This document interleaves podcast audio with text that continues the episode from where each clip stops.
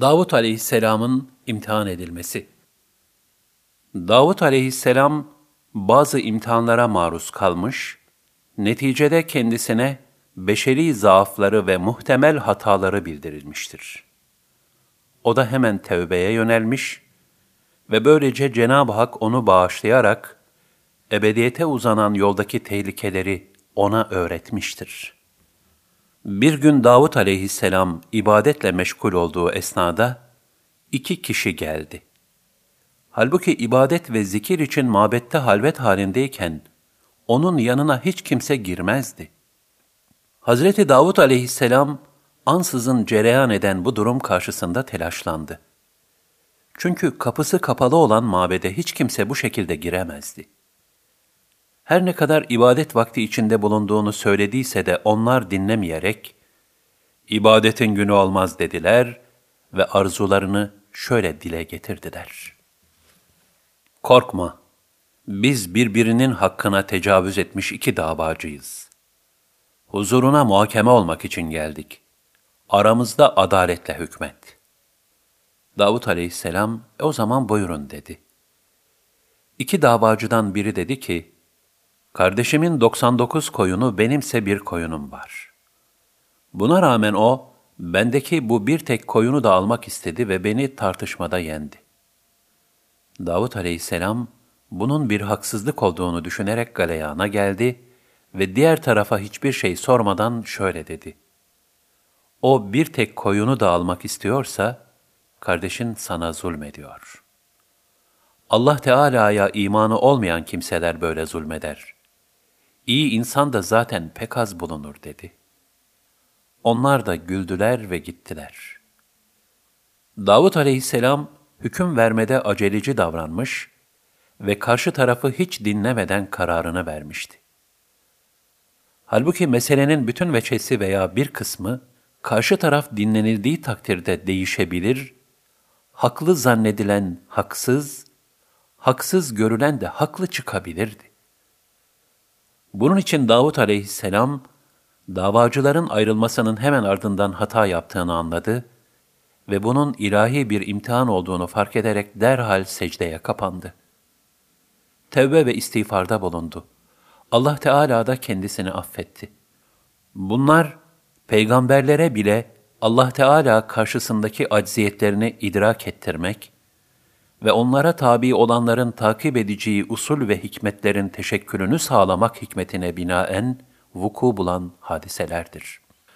Bu durum onların peygamberliğine ve ismet sıfatlarına asla halel getirmez. Müfessirler nazarında bu tür imtihanlar, hasenatül ebrar, seyyiatül mukarrabin hükmü dahilindedir.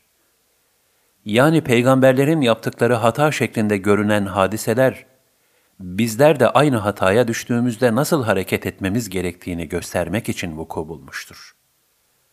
Hadise Kur'an-ı Kerim'de şöyle anlatılır. Ey Muhammed! Sana davacıların haberi ulaştı mı?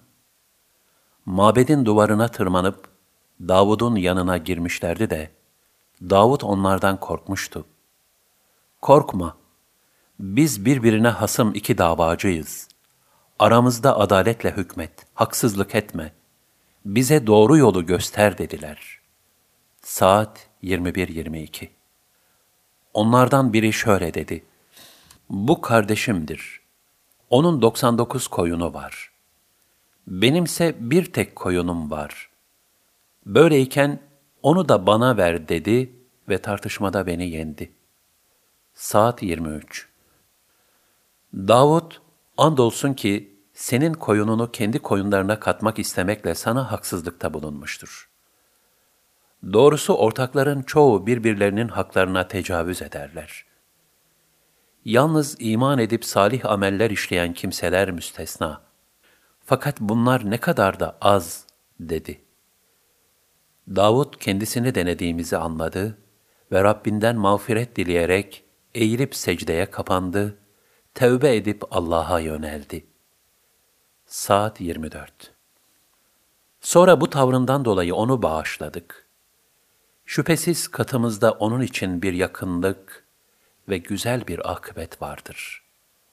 Saat 25 Davut aleyhisselam, kıyamet günü Allah'a yakın bir kul olacaktır. Nitekim bir hadis-i şerifte, adaletle hükmedenler, kıyamet gününde Rahman'ın sağında nurdan minberler üzerinde olacaklardır. Bunlar hükümlerinde aileleri ve sorumlu oldukları kimseler hakkında adaletle davranmışlardır buyurulur. Yine Resulullah sallallahu aleyhi ve sellem, kıyamet gününde insanların Allah Teala'ya en sevgili olanı ve ona en yakın yerde bulunanı adaletli idarecidir.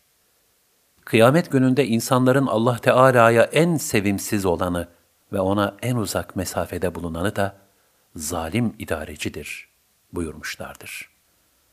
Hz. Davud aleyhisselam hakkında yukarıda zikredilen ayet-i kerimelerin mahiyetine tamamen ters bir şekilde, muharref Tevrat ve İncil'lerde bir takım hakikat dışı beyanlar ve çirkin iftiralar yer almaktadır.